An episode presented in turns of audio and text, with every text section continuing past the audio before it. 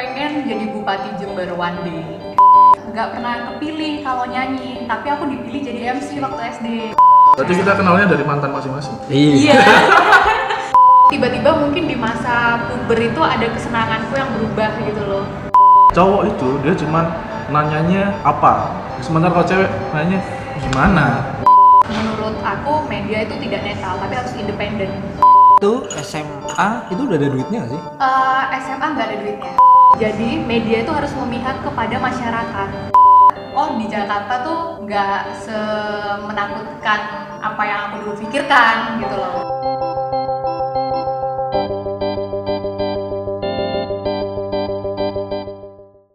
Halo, balik lagi sama podcast Persami setelah berapa lama ya? Udah cukup lama kita belum record. Akhirnya ini ada satu orang yang beruntung yang bisa kita coba tanya-tanya sambil eh, ngisi waktu ngisi ngisi slot lah di Persami karena udah lama. Udah setahun nggak record lagi.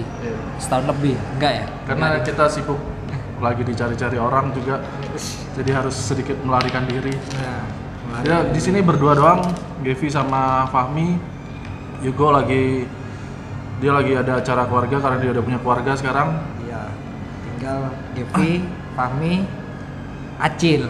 Belum belum keluarga. Acil walaupun belum punya keluarga, tapi dia juga susah sih. Iya. Keluarganya ganti-ganti. Oke di sini udah sama Afrin. Halo. Nah itu dia Afrin. eh add Instagramnya pak? At Afrin. At Mairiana nanti kita tulis di nanti kita tulis di ya boleh nanti kita tulis di uh, descriptionnya Afrin ini temen dulu temen SMA sih adik kelas Kita tuh te- temen-temen gak temen loh sebenarnya. aku temennya aku temen dari temen Iya iya iya. Kalau Kita aku- pernah kenal gitu ya. Kalau aku temannya mantan. sebenarnya sama iya. Kalau dibuat itu temanku mantan teman apa sih? Kan biasanya kalau- temanmu Kayak judul-judul film-film Indosiar yang ayahku, Oh, ayah dari kakak, kamu nyebut laki-lakiku, misalnya kayak gitu-gitu. nyebut Indonesia nggak apa-apa satu grup ya nggak apa-apa ya kira SCTV Ya, doang Kalau orang juga tahu film-filman gitu dulunya. oke Afrin di sini Hmm. Afrin kalau mau dikenalin Afrin dikenalin sebagai apa dulu kan kenalnya aku uh, penyiar radio ya Iya, pernah. di Jember waktu itu penyiar radio terus sekarang di Sekarang jurnalis, jurnalis wartawan. MC kondangan. MC Oh, kondangan. enggak, enggak, Oh enggak, dong enggak ya. Saya kira MC kondangan juga Iya, kan dulu MC kondangan juga. Iya, iya, dulu MC kondang, kondangan tapi. Kondangan, MC Oh, kondangan. MC kondangan. Acara-acara wedding, wedding gitu. Itu lumayan ya dapatnya dulu ya. Lumayan. untuk itu mulai Aku agak menyesal sih meninggal kerjaan itu. oh, tapi di, di se- udah nggak jadi MC kondangan sejak di Jakarta apa Sejak pindah ke Jakarta aku nggak jadi MC lagi. Sempat ditawarin, cuma aku nggak berani dan Kenapa? pekerjaanku yang sebagai jurnalis itu harus membuat aku fokus sama kerjaan. Jadi ya udah aku nggak kenapa nggak berani kenapa nggak berani job-job lagi. kenapa di Jakarta nggak berani jadi MC kondangan Oh, nggak ada waktunya aja.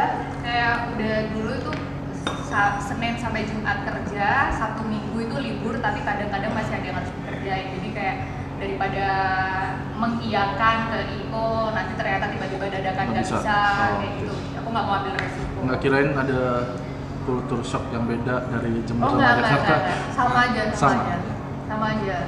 Cuma aku biar takut nggak profesional aja. Oke, jadi Afrin sekarang maunya dikenal sebagai jurnalis, Jurnalis. jurnalis ya. Iya. Itu dulu sebenarnya gimana cerita? Dulu kan di Jember tuh di radio aku ingat Kiss FM ya, Hmm, di cafe radio. iya. Cafe radio itu Itu tempat tempat paling gaul pada zaman itu tuh pada zaman sa- itu. salah satu destinasi bolos les di Iya. cafe radio, Tapi itu jadi tempat les juga ada kalanya. tempat les. Jadi heeh, di sebelahnya radio cafe itu di Jember. Sekarang jadi apa ya? Abnormal ya sekarang. Iya, iya, ya. abnormal. Abnormal di jalan apa sih itu namanya? Jalan Polres. Jalan Pol Jalan Polres. Eh, bukan. Oh, ini Lupa. depan SDK Par- depan SDK Jalan Kartini ya? Jalan ya, Kartini. Jalan Kartini. Nah, di Jalan Kartini itu sekarang em, sejak 2018 jadi abnormal ya. Hmm. Dulunya di situ ada namanya Radio Cafe. Nah, di sebelahnya Radio Cafe ada SDK Maria Fatima. Nah, Nah, SMP anak- itu, sorry. Oh, SMP ya. SM, anak-anak SMP Maria Fatima ini eh, les matematika dan les bahasa Inggris kalau nggak salah dan les beberapa pelajaran lain itu di Radio Cafe itu jadi mereka ngumpul misalkan enam orang Tapi ada guru lesnya? di Oh, situ oke. kayak gitu loh jadi saat habis les mereka makan Hmm. makannya di kafe pulang sekolah langsung ke kafe les kayak gitu gitu jadi tempat les itu dulu Dulu sering sih waktu eh, pas lagi bolos les ke situ eh yang siaran Afrin, yang siaran Afrin. oh gitu ya waduh dulu sempat gitu kalian ya padahal aku nggak kenal kalian waktu Iya. itu Iya. Aku juga baru tahu ya pas jadi mantannya Afrin. dari- itu doang. kita kenalnya pas di kampus dan itu udah hampir-hampir semester Iya. semester akhir Berarti kita kenalnya dari mantan masing-masing. iya terima kasih loh mantan-mantan kalian akhirnya nemuin aku sama kalian Eh, terus gimana bisa nyampe ke Jakarta? Dulu. Siaran itu mas, waktu masa SMA sampai kuliah masih siaran nggak? aku pas SMA itu aku siaran Hmm. siaran itu hari minggu aja seminggu sekali kalau nggak dua minggu sekali Mhm. itu memang program yang buat anak SMA di Mhm. situ tapi siarannya udah ya kayak udah udah dilatih juga lah sama profesional yang ada di FM Oh, Jember waktu trainer-nya itu. lah. Mm, itu selama setahun nah dari setahun itu udah eh, selesai di Kiss FM aku sempat ngisi di Pro 2 RRI Oke. jadi di Pro 2 RRI itu juga ada program yang untuk siarannya anak-anak SMA. Mhm. Jadi aku mulai kelas 1, kelas 2 siaran, kelas 3 nggak siaran, fokus sama Wan kan waktu itu udah ngurangin kegiatan di luar lah. Tapi kelas 3 SMA aku udah mulai MC-MC. Mhm. Oke, udah dari situ siaran MC. Nah, ketika aku masuk radio udah mulai di gimana dunia media kan? Hmm. media radio waktu itu udah mulai kenal oh di situ ada yang namanya wartawan oh di situ ada yang tugasnya meliput berita gitu. Meskipun itu kebanyakan lagu-lagunya anak muda tapi di radio itu ada dua jam yang eh ada 30 menit yang isinya tentang berita. Oke. jadi mulai belajar lah gimana dunia berita.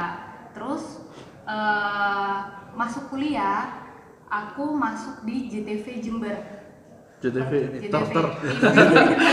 Jawa Timur ya. Nah, itu kan TV lokal yang ada di seluruh kota di Jawa Timur. Ya, channel channel pasti itu, fix Iya, channel. eh.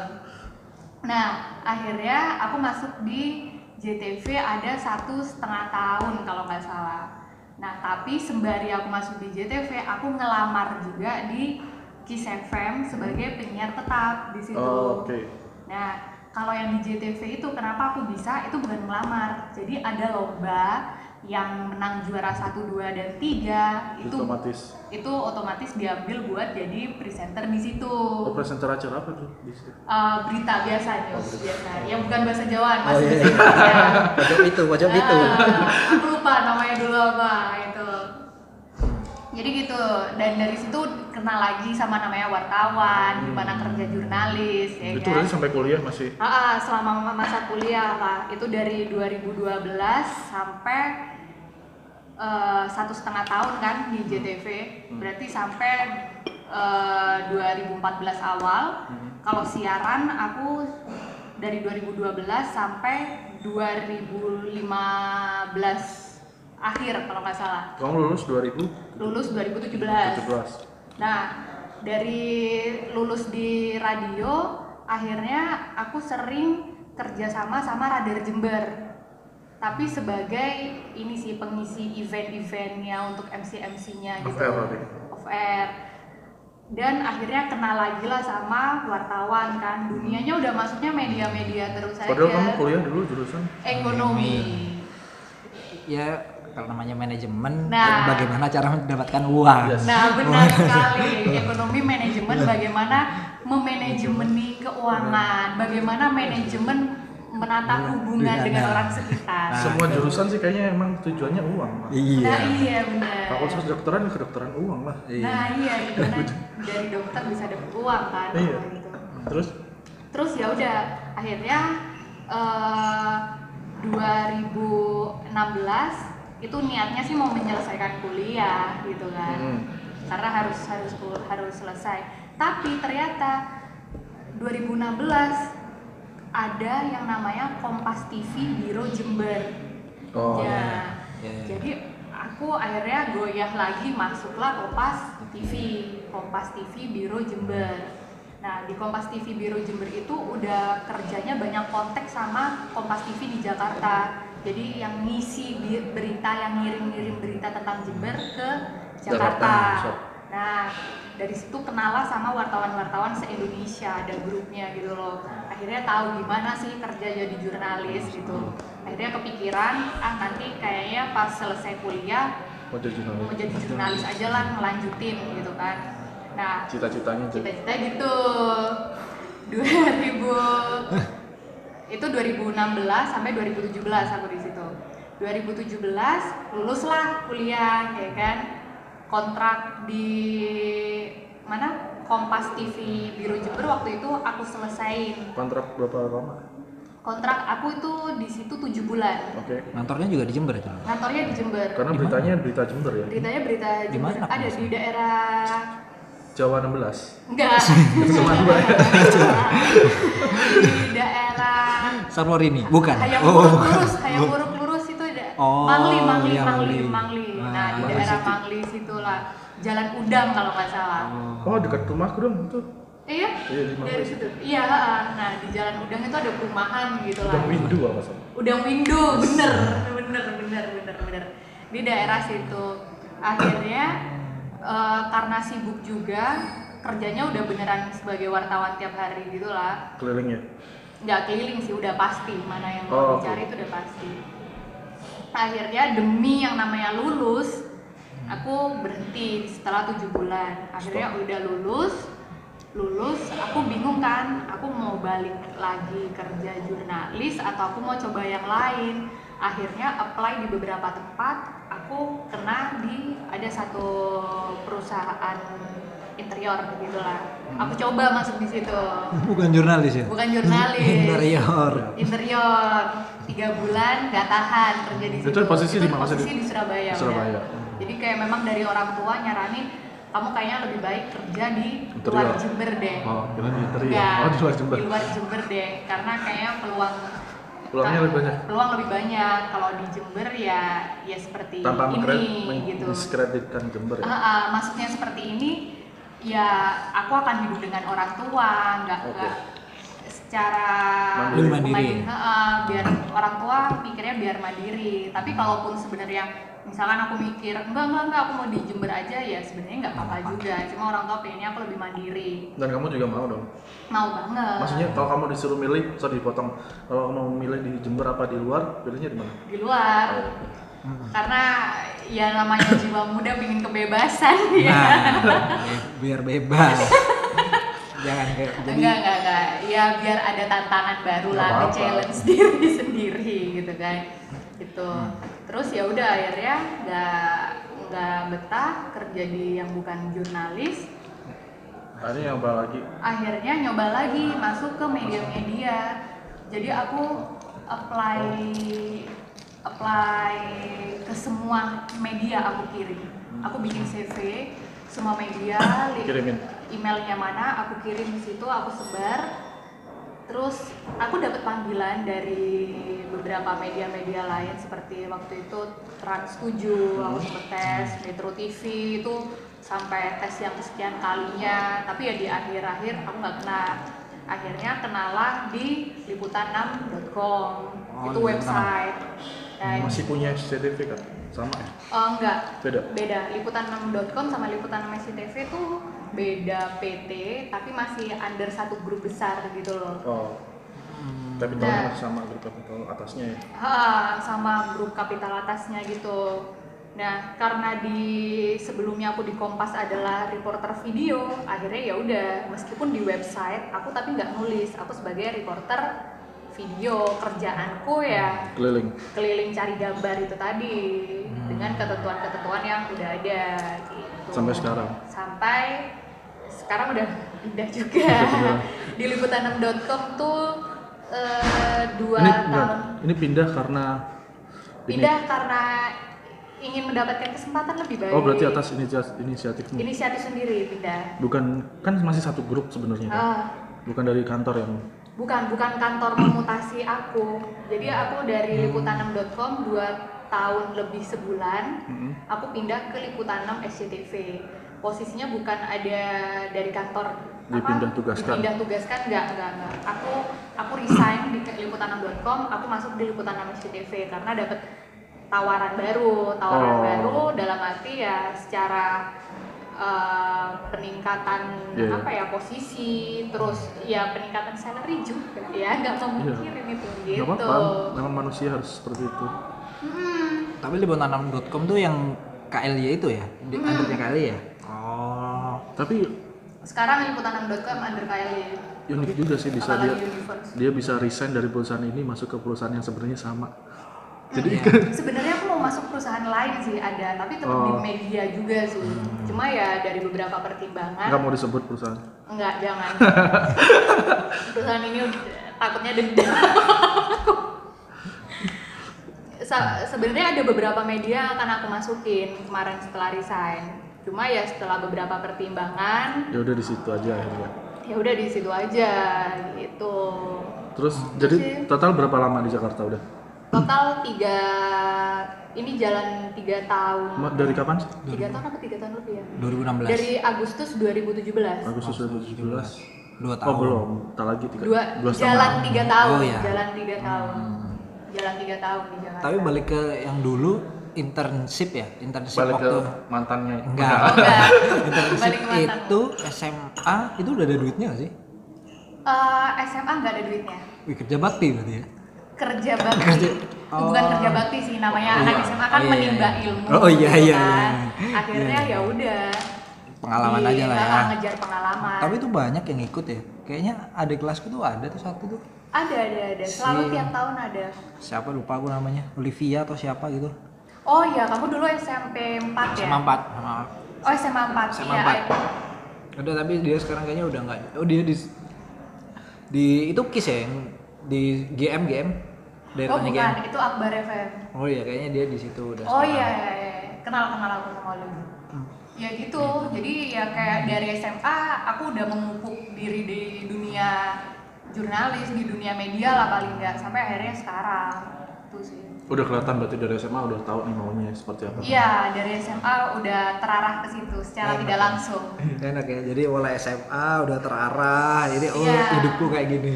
Heeh. Beda bos. Iya, aku iya. dulu set nggak tahu tuh mau ke mana itu SMA aja maunya dulu basket. Basket ya gak jago-jago banget, Iya. Iya kan? Terus Akhirnya jadi akhirnya jadi kayak sekarang. ya. Hmm, aku baru sadarnya juga baru beberapa bulan kemarin sih. Iya ya, aku ternyata tuh terarah dari SMA ya.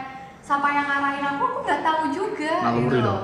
Naluri. Berarti Ah. mungkin kamu pernah nyebut pengen jadi ini terus waktu Nah itu ya pernah nggak? kayak misalkan soalnya kan ada tuh salah satu teman kita itu uh, ada pemain basket nasional sempat jadi pemain basket nasional sekarang di Prawira Bandung si Arif Hidayat. Dulu itu dia masih zamannya Friendster dia bilang kalau basketball is my job. Dan sekarang akhirnya dia sekarang jadi pemain basket. Oh. dan dia bisa menghasilkan uang dari basket. Dia kalau dulu pernah nggak kayak misalnya wah aku adalah jurnalis terkenal gitu waktu masih kecil waktu, Waktu masih kalau waktu kecil sih kayaknya enggak. Kayak- kayak maksudnya Maksudnya sampai posting gitu enggak. Cuma waktu kecil itu, waktu SD. Hmm. SD itu mungkin guruku yang melihat bakatku ya. Jadi dulu waktu SD kan dipilih tuh nyanyi, terus habis itu dipilih kalau pentas main Iya. apa, main Hmm. apa.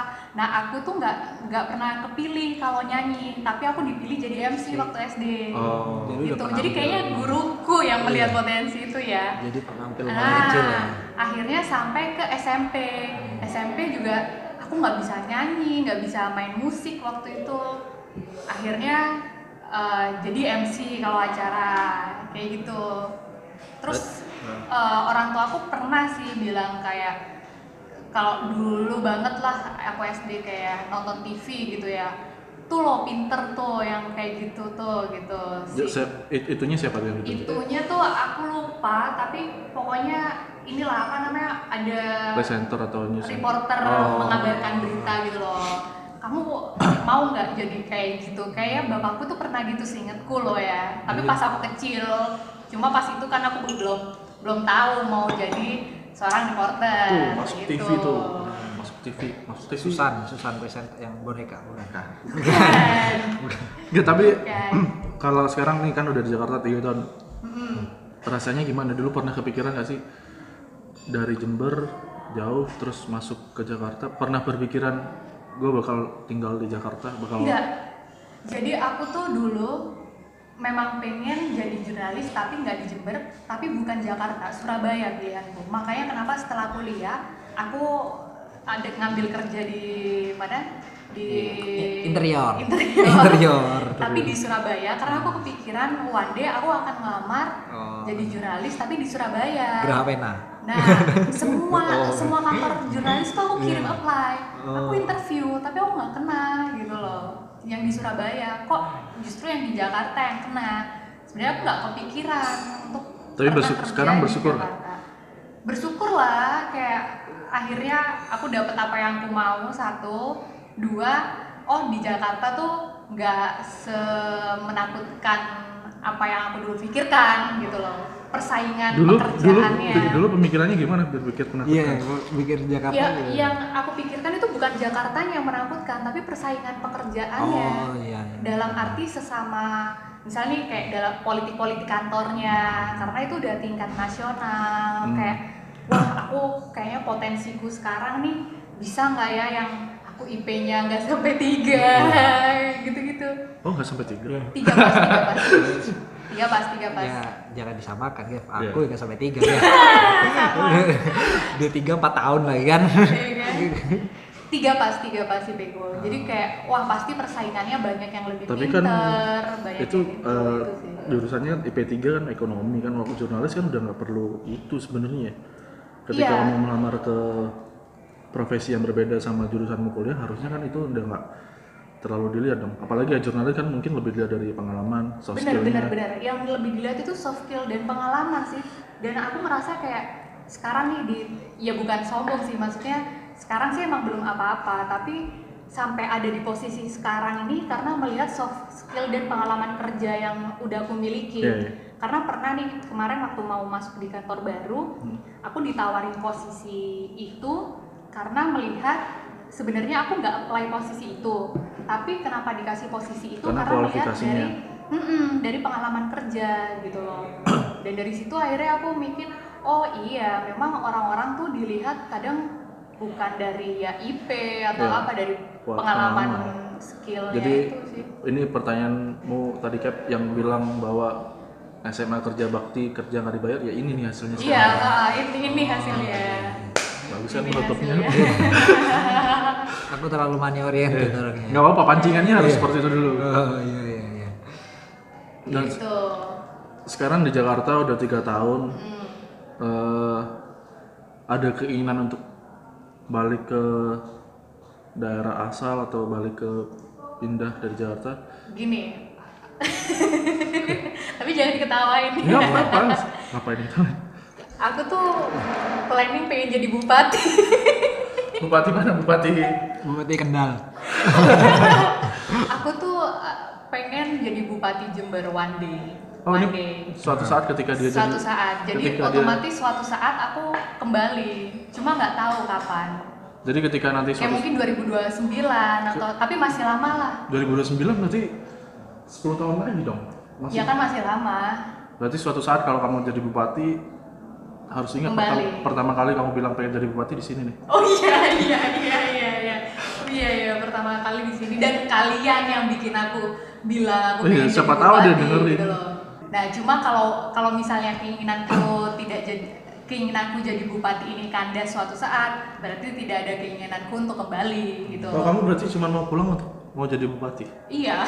Oportunis sekali. iya Lah ya iya sekarang pekerjaan di sini aku merintisnya di sini. Kalau misalkan aku nggak jadi bupati atau aku nggak punya ancang kalau mau jadi bupati pasti lim, lim, 4 5 tahun sebelumnya kan aku harus kembali ke kota itu.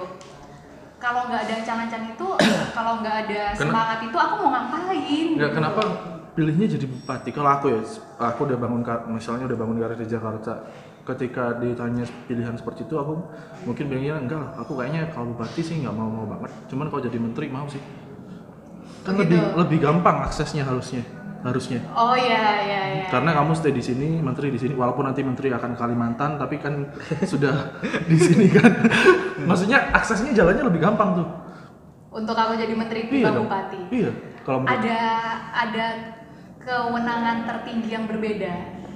Jadi Hmm. ketika jadi bupati tuh kayak menteri menteri itu masih kayak Iya. pembantu Nah. presiden. Kamu masih jadi pembantu, Yes. masih jadi bawahan. Sedangkan kalau kamu menjadi bupati tuh udah kamu Lu kayak jadi raja di situ. Raja di situ. raja terakhir ya Raja. Raja rajanya daerah itu gitu. Emang Itu kebanyakan sih. orang pasti mikirnya gitu kenapa mereka balik ke daerah ya karena itu dia akan jadi raja di situ Dia akan bangun bupati. daerahnya ya? Iya, Hmm. maksudnya ka- lo yang kamu yang punya wewenang di situ Lo mau Hmm. apa ya terserah bupati, terserah raja, intinya gitu. ya semoga lah ya Itu sih yang yang aku 2029 ya 2029 atau setelah 2029 berarti 2000 di atasnya lagi lah. 34 Karena aku kayak belum ikhlas juga untuk meninggalkan pekerjaan yang sekarang di sini. Kalau seandainya mau ke situ ya itu sih.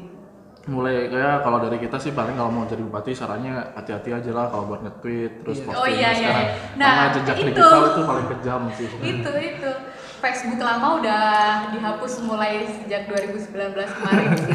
Itu terus untuk alay-alay di Twitter yang belum sih. Alay nggak masalah sih cuman jangan bikin statement terkait agama tertentu Oh iya, bener bener terus bener, eh, bener, salah bener. satu partai tertentu itu akan bahaya karena nanti Iya, akan iya. di capture nih ternyata dulu kamu seperti ini Eh, kalau netizen kan pada gitu orang nggak boleh berubah bisa dicari. Aku pun sebagai jurnalis iya, kerjaanku. Ya seperti itu. Aku nge-stalking orang mulai 2012 dia di mana sampai segitunya sih pekerjaanku. Dan ya aku nggak tahu cara Iya, memang oh berarti kamu kerjanya stalking itu ya? Setiap narasumber yang aku mau temuin aku harus stalking dong untuk dapetin berarti kamu punya fake fake akun banyak gitu? Enggak, pakai pakai sendiri. Serius serius tapi aku sampai segitu. Bahkan kadang itu sampai terbawa gini loh. Misal nih ya, aku sekarang main sama si Fahmi nih. Sampai kadang itu terbawa misalkan, oh aku nanti siang mau ketemu Fahmi ya. Aku Aku, buka dulu tuh Instagramnya Fahmi. Ah, Kalau enggak aku ketik namanya lengkapnya Fahmi di Google. Sampai segitunya ya memang terbawa ya. kalau cewek itu dari satu story pun dia bisa tahu cerita mulai lahir sampai sekarang gitu loh itu kelebihan cewek bro itu makanya Pengalaman intuisinya banget ya. jurnalis Iya. perempuan tuh kuat di situ Nah, makanya intelijen tuh harusnya cewek aja Iya. kan ya bener intelijen negara ya intelijen negara cewek Bener. cuman dari satu cerita dia bisa tahu gitu kan tahu ya karena soalnya kalau cowok itu dia cuman nanyanya apa what Iya. Kamu ngapain? Apa gitu. Sementara kalau cewek nanya gimana? Nah kalau udah gimana kan lu harus ceritain yang panjang tuh. Dari A sampai Z semua harus diceritain. Eh, John Gray bukan sih itu? Itu kata-katanya John Gray nggak tahu aku Oh, pernah iya. dengar sih. Terus eh Cap ada yang mau ditanya nggak Cap? aku kenapa sih eh, memutuskan apa jurnalis ini kan kayak entertainment juga ya.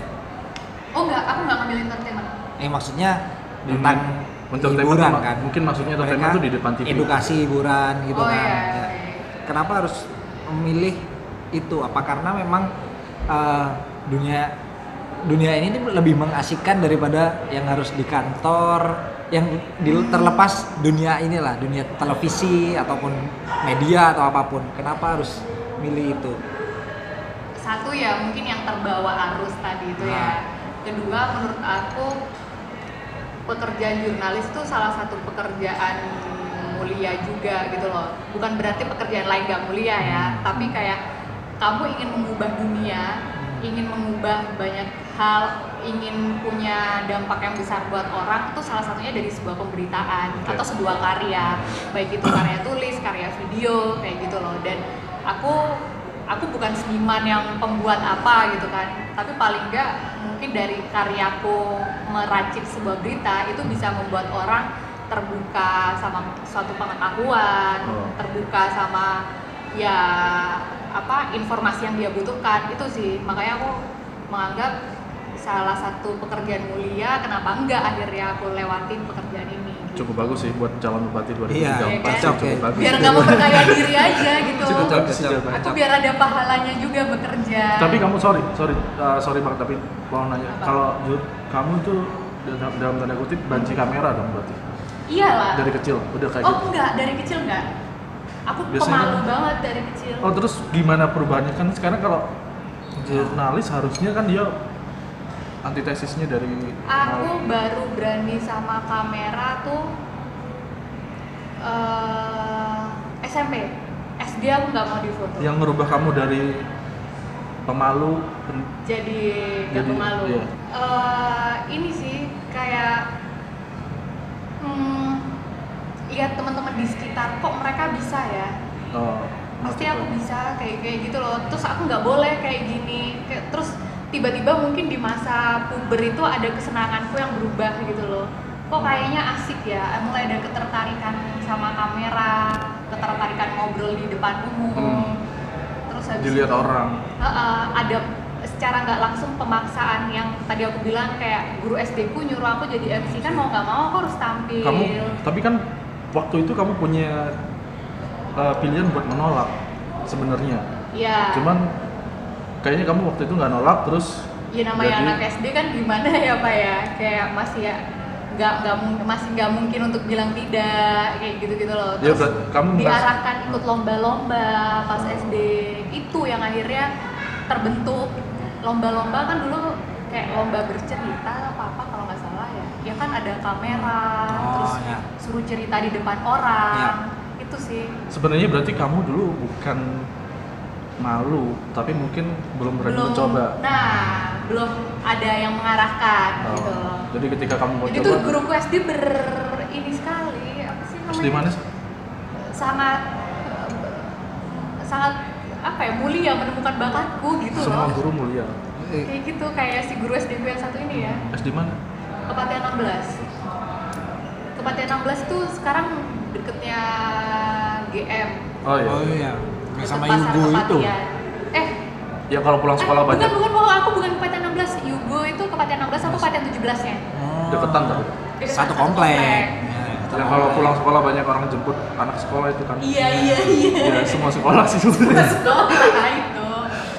Terus kalau selama ini pengalaman yang paling paling diinget nih selama jadi jurnalis pengalaman paling ingat aku ngerjain semuanya aku masih inget sih eh, yang paling membekas yang paling Yang bikin paling- ya mungkin yang merubah perspektifmu atau merubah eh, pandanganmu sama sesuatu atau bisa jadi lebih memotivasi atau apa? Eh, ini sih yang paling melekat tuh ketika liputan membekas tuh aku liputan investigasi penjualan bayi. Waduh. Dan itu aku eh, pertama kalinya aku bisa gendong bayi di situ yang baru lahir beberapa jam. Hmm. terus habis itu yang aku nggak nyangka aku kira aku akan gagal di investigasi itu. Tapi ternyata aku berhasil aku berhasil menemukan tempatnya aku berhasil ambil Gambar situ. secara tersembunyi itu. Terus aku berhasil wawancara wawancara dengan clear waktu itu. Terus eh, ternyata investigasi itu juga lagi didalami oleh pihak kepolisian ternyata. Tanpa sepengetahuan mediaku gitu loh. Jadi kayak itu salah satu keberhasilan dan salah satu hal yang bikin oh ternyata di dunia itu ada ya yang sekejam ini menurutku. Dan eh, ya semua yang terlihat mulus di luar ternyata ada cerita-cerita seperti ini di balik itu semua kayak gitu loh Eh, Kalau investasi in, in- Investigasi. investigasi itu itu beneran nggak sih? Kalau misalnya dia kayak kalau di TV kan ada itu kan kayak yang uh, kamera, ter, kamera tersembunyi. investasi investigasinya apa nih Ya, enggak semua kan semua news, maksudnya iya kan investigasi news kan Kan biasanya kalau ada di TV ada kan berarti kan berita kan? Kalau kayak termehe-mehe itu enggak? Oh, enggak, bukan, bukan. aku sudah berusaha nggak nyebut itu loh. Aku udah berusaha nggak nyebut nama program yang barusan disebut nah itu kan ada tuh yang biasanya tentang pembuatan apa pembuatan apa contohnya Itu yang se- itu beneran, Ya, itu itu beneran. Dan itu nggak izin berarti kan? Ya Eh, maksudnya enggak. bukan nggak izin ya maksudnya Eh, Izin dong kan, di, cuman wajahnya disamarin. iya. Oh, itu tetap izin. I- izin itu Kita dari media tetap bilang gitu. Iya, ya bilang, bilang, bilang. Jadi ada investigasi yang dia itu bilang kayak "Eh, kita dari media ini, kita mau liputan ini. Nah, anda mau nggak diliatin wajahnya? Oh, saya nggak mau diliatin wajahnya, sama saya nggak mau didengerin suara asli saya. Pakai inisial ya. Akhirnya ya udah kita tulis itu. Tapi kita itu izin. Tapi ada memang beberapa investigasi yang eh, mungkin berbahaya ya, yang di mana tanpa izin Ah. misalkan penggerbekan ya tanpa izin lah kayak gitu Ini kalau kalau investigasi Oh, itu, iya. itu berarti pasti izin berarti ya. izin Itu ada kode etiknya nggak sih kalau misalkan Iya, kalau kalau nggak izin nggak boleh disiarkan di TV misalkan gitu. nah ada gini tanpa Kecuali penggerbekan ya. Iya. Kecuali penggerbekan ya. penggerbekan terus habis itu gini misalnya bisa gini kamu nggak kamu nggak izin sama orangnya ya misalnya Hmm. tapi tetap aja di situ kamu jangan ca- jangan cantumkan namanya jangan cantumkan wajahnya Lokasinya. lokasi lokasinya lokasinya misalkan nggak sampai detail yang jalan mana-mana mana cuma misalkan Bekasi atau apa kayak gitu Tapi kan sebenarnya kalau itu sebagai itu ada kode etik eh, kalau dari narasumbernya yang itu kan dia juga pasti takut dengan itu dimuat di TV ada kemungkinan dia ketangkep kan. Ya kalau memang itu suatu kejahatan misal nih aku wawancara PSK misal nih diem-diem ya kan aku boleh menyiarkan itu tapi kode etiknya aku tidak memperlihatkan wajahnya dan tidak mempercantumkan Namanya, namanya kontak person, kayak, kayak, kayak rate-nya. gitu ya Harganya. tapi kalau polisi aja dikasih tapi kan. Kalau polisi nah ini baik itu ke polisi nggak boleh. Oh nggak boleh. oh, privasinya itu itu itu hak privasinya narasumber dan Oh. privasinya si media. Jadi kalau misalkan polisi jadi pernah tuh ada eh, temen dari media lain ya dia nangkep eh, bukan liput- investigasi dia. investigasi bukan nangkep nggak nggak ditangkep masih berjalan kejahatan ya. Masih berjalan iya ya, karena gimana kita mau Oke oke, nangkep dia ya kan? investigasi. dia investigasi uang palsu.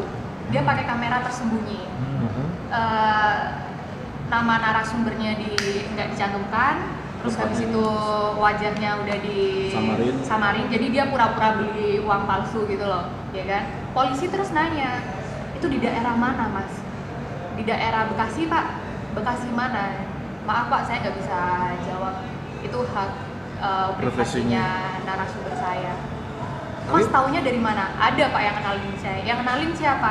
Nggak bisa jawab saya. Itu udah hak privasinya media. Tapi polisi bakal stop di situ kalau misalkan. polisi bakal Ya, bakal stop. mungkin dia nggak bakal nanya ke situ lagi polisinya. Oh iya. Ah, kecuali gini mungkin polisi akan nanya-nanya yang oh di Bekasi, oh daerah mana, misalkan dikasih tahu, ya udah mereka investigasi sendiri bakal nemu sendiri lebih pinter lah polisi Oh, iya. daripada Iya sih. gitu logikanya. Nah, polisi intelnya banyak coy. Iya, tinggal Iya. nem- nyebutin nama daerah aja udah pasti tahu lah. Oh berarti nggak boleh secara itu Hmm, ada kode etiknya. ada etik. kode Oh. ada kode privasi ya. Oke. Gitu.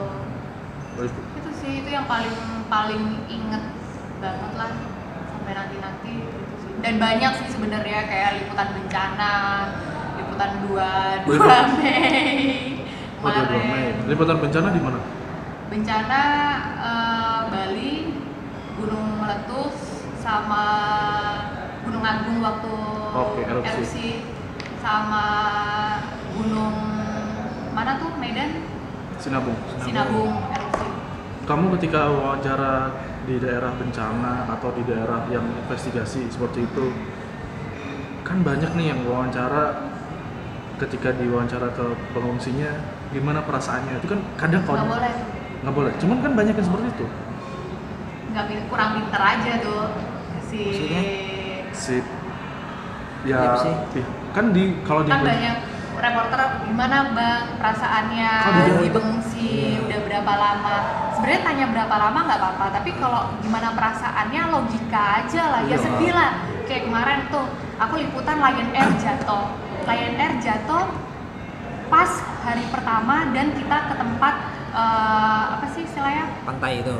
Karawang situ bukan ke Titik Suka-. Ke Bandara Oh, Suta, Suta. tempat keluarga-keluarga berkumpul itu kan untuk cari data kan poskonya.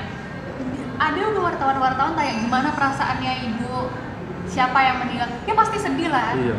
Iya Itu itu, pertanyaan tidak perlu ditanyakan. tidak perlu dipertanyakan kayak Dan ya gimana tapi si sebenarnya itu. oke sorry tapi sebenarnya mereka sebagai jurnalis harus ada kodenya atau ada trainingnya sih enggak, enggak sih ada training dia nggak nggak boleh tanya ini sebenarnya ini nggak perlu ditanyakan kalau bagaimana perasaan itu bukan tidak boleh ditanyakan tapi logika aja lah ayo tolong kayak Etiknya gitu. aja ya? Eh, Etikanya ya, lah.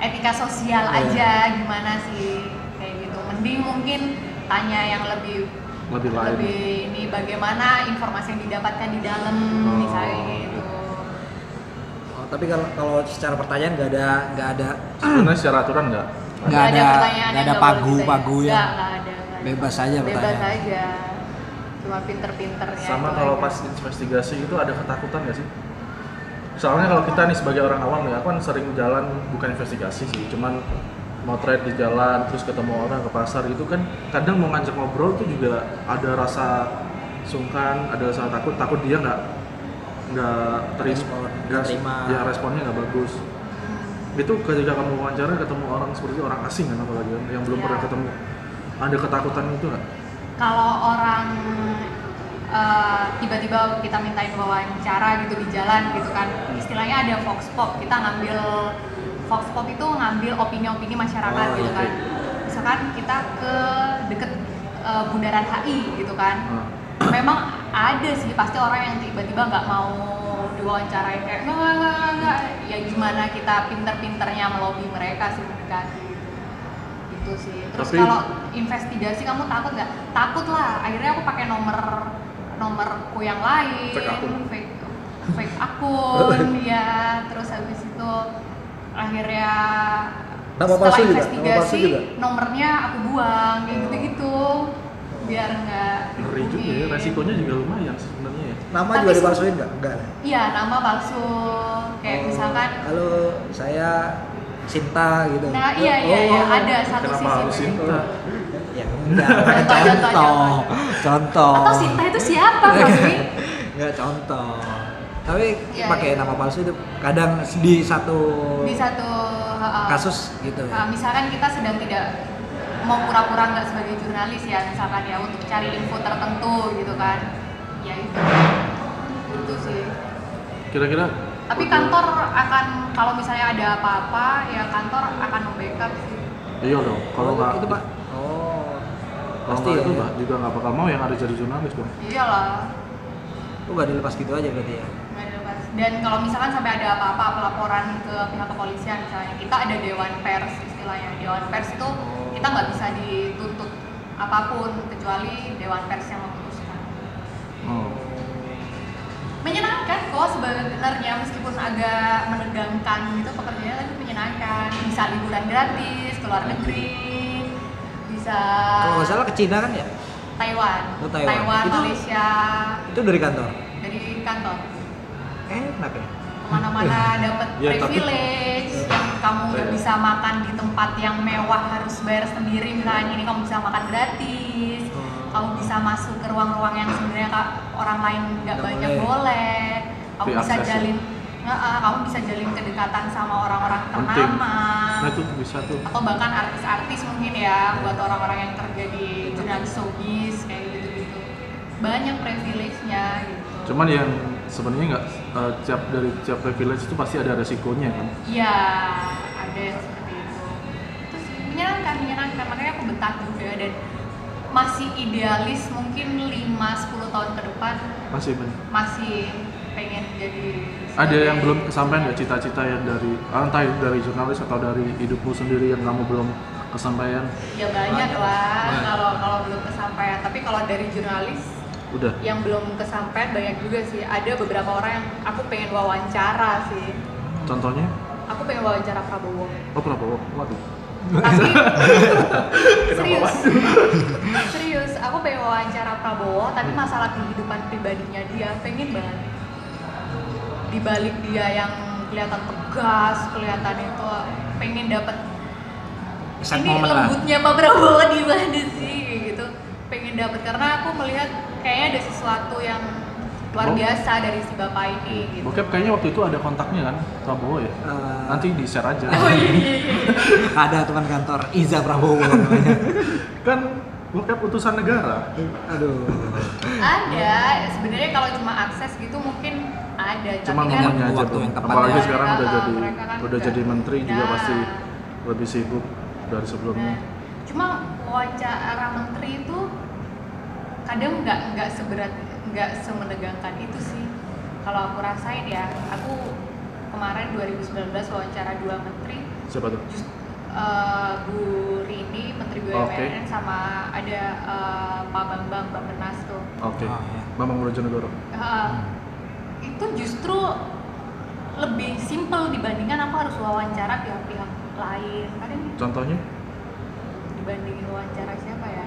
Kenapa adalah salah satu oh, dinas gitu. gitu, itu ribet gitu kan bahkan bayar pernah Oh ya? kayak gitu untuk wawancara aja bayar untuk ke situnya Oh, ke situ. kayak gitu Ada sih memang. Uh, Kenapa? Oh. adalah aku nggak sebut nama lah siapa gitu justru menteri itu yang saya lebih terbuka mungkin tergantung personalnya sih apa yang dia sebenarnya kan sekarang nih banyak nih yang uh, media-media yang sebenarnya nggak maksudnya media baru yang modelnya kayak startup dia muncul sendiri.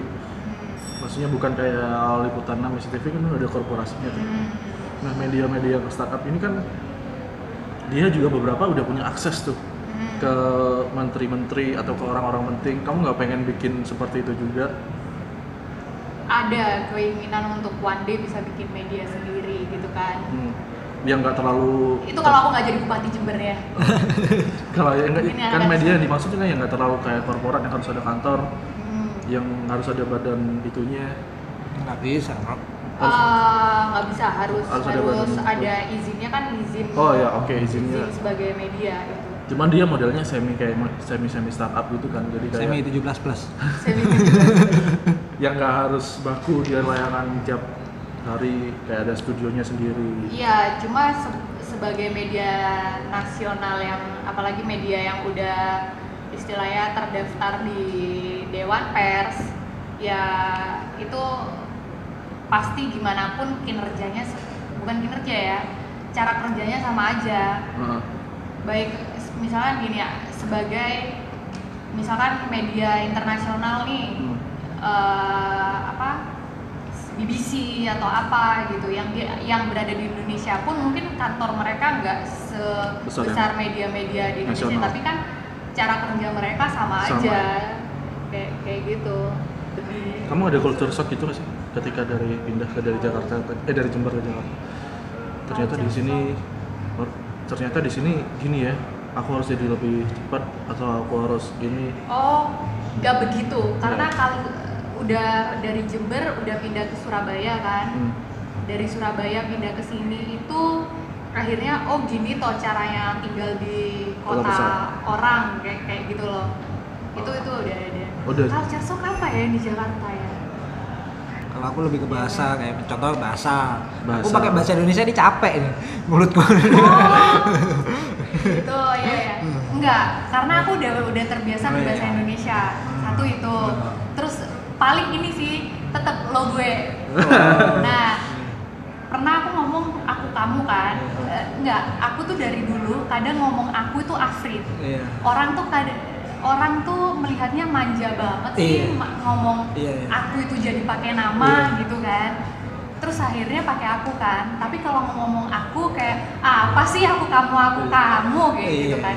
Cuma akhirnya mikir enggak sih di semua daerah kalau misalnya kita pindah ke Bali pun kita harus menamakan diri kita mungkin ya kita manggil Mas dengan beli kita manggil Adaptasinya ya. adaptasi bahasa itu di semua daerah bukan cuma di Jakarta aja bukan berarti lo panggil panggil pakai lo gua jadi lebih sombong atau udah Ah, bisa. enggak itu hanya karena adaptasi Mbak. daerah Ah, aja penyesuaian penyesuaian. Nanti Ya. kalaupun misalkan aku pindah ke Jogja mungkin aku jadi harus penyesuaian bahasa mereka juga manggilnya apa aku harus ganti juga.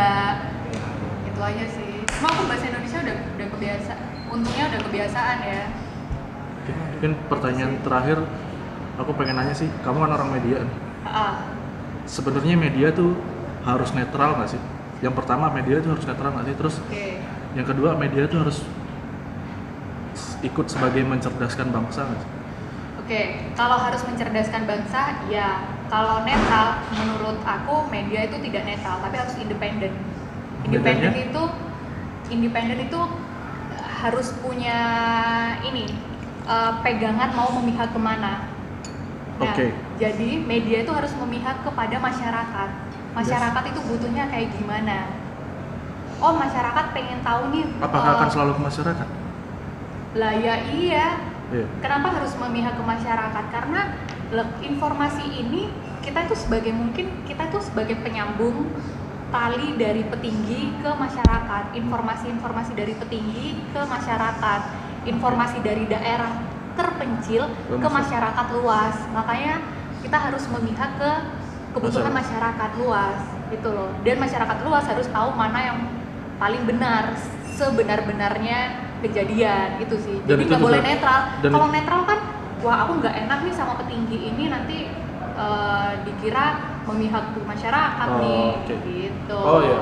Oke, Jadi berarti nggak netral. independen ya? Independen, harus tahu mau memihak ke mana, dan memihak ke masyarakat pihak masyarakat. Sebagai anak aliansi jurnalis independen ya, bilang kayak gitu, Re. Ah ya nggak apa-apa sih. Iya, Iya iya, benar sih, maksudnya make sense sih. Udah memang masyarakat juga eh, wajib bukan wajib sih punya hak untuk dapat informasi yang benar yang lebih valid dan itu tugas media untuk salah satunya tugas media untuk kasih informasi itu. Mm-mm. Gitu sih. Oke, mungkin itu. gitu aja. jadi semoga teman-teman kalian yang dengerin ada yang tertarik mungkin adik-adik kalian untuk jadi Media, kerja eh, di media itu pekerjaan mulia itu pekerjaan menyenangkan jadi ya nggak ada salahnya buat itu dijadikan profesi sebagai hidupnya gitu. Oh, oke. Oke, mungkin itu aja. Thank you ya, Frin, udah ngobrol, udah sharing di Persami yang setelah sekian lama vakum. Nah, Bukan vakum sih, kita nggak punya materi sebenarnya. Thank you buat eh, sharingnya. Semoga 2029 apa 2034 tadi? ya bisa lah Udah 29 tahu atau dulu aja. 34 ya Semoga jangan waktu- lupa pilih Afrin untuk Semoga- gerakan perubahan Semoga di 2029 2034 kita masih bisa ngelakuin pilkada langsung ya. Kita nggak tahu siapa tahu ntar sistem berubah segala macem. Ya semoga tetap ada pilkada langsung, demokrasi masih tetap jalan. Semoga bisa wawancara Pak Prabowo dengan amin amin amin amin dengan amin amin sisi keluarga yang pengen digalinya. iya Semoga cita-citanya tercapai. Mhm, amin Oke itu aja, thank you buat semua yang udah dengerin. Sampai jumpa di podcast Persami edisi selanjutnya. Kita belum tahu nih nanti edisi selanjutnya gimana. Yang jelas, thank you udah dengerin. See you. Dah.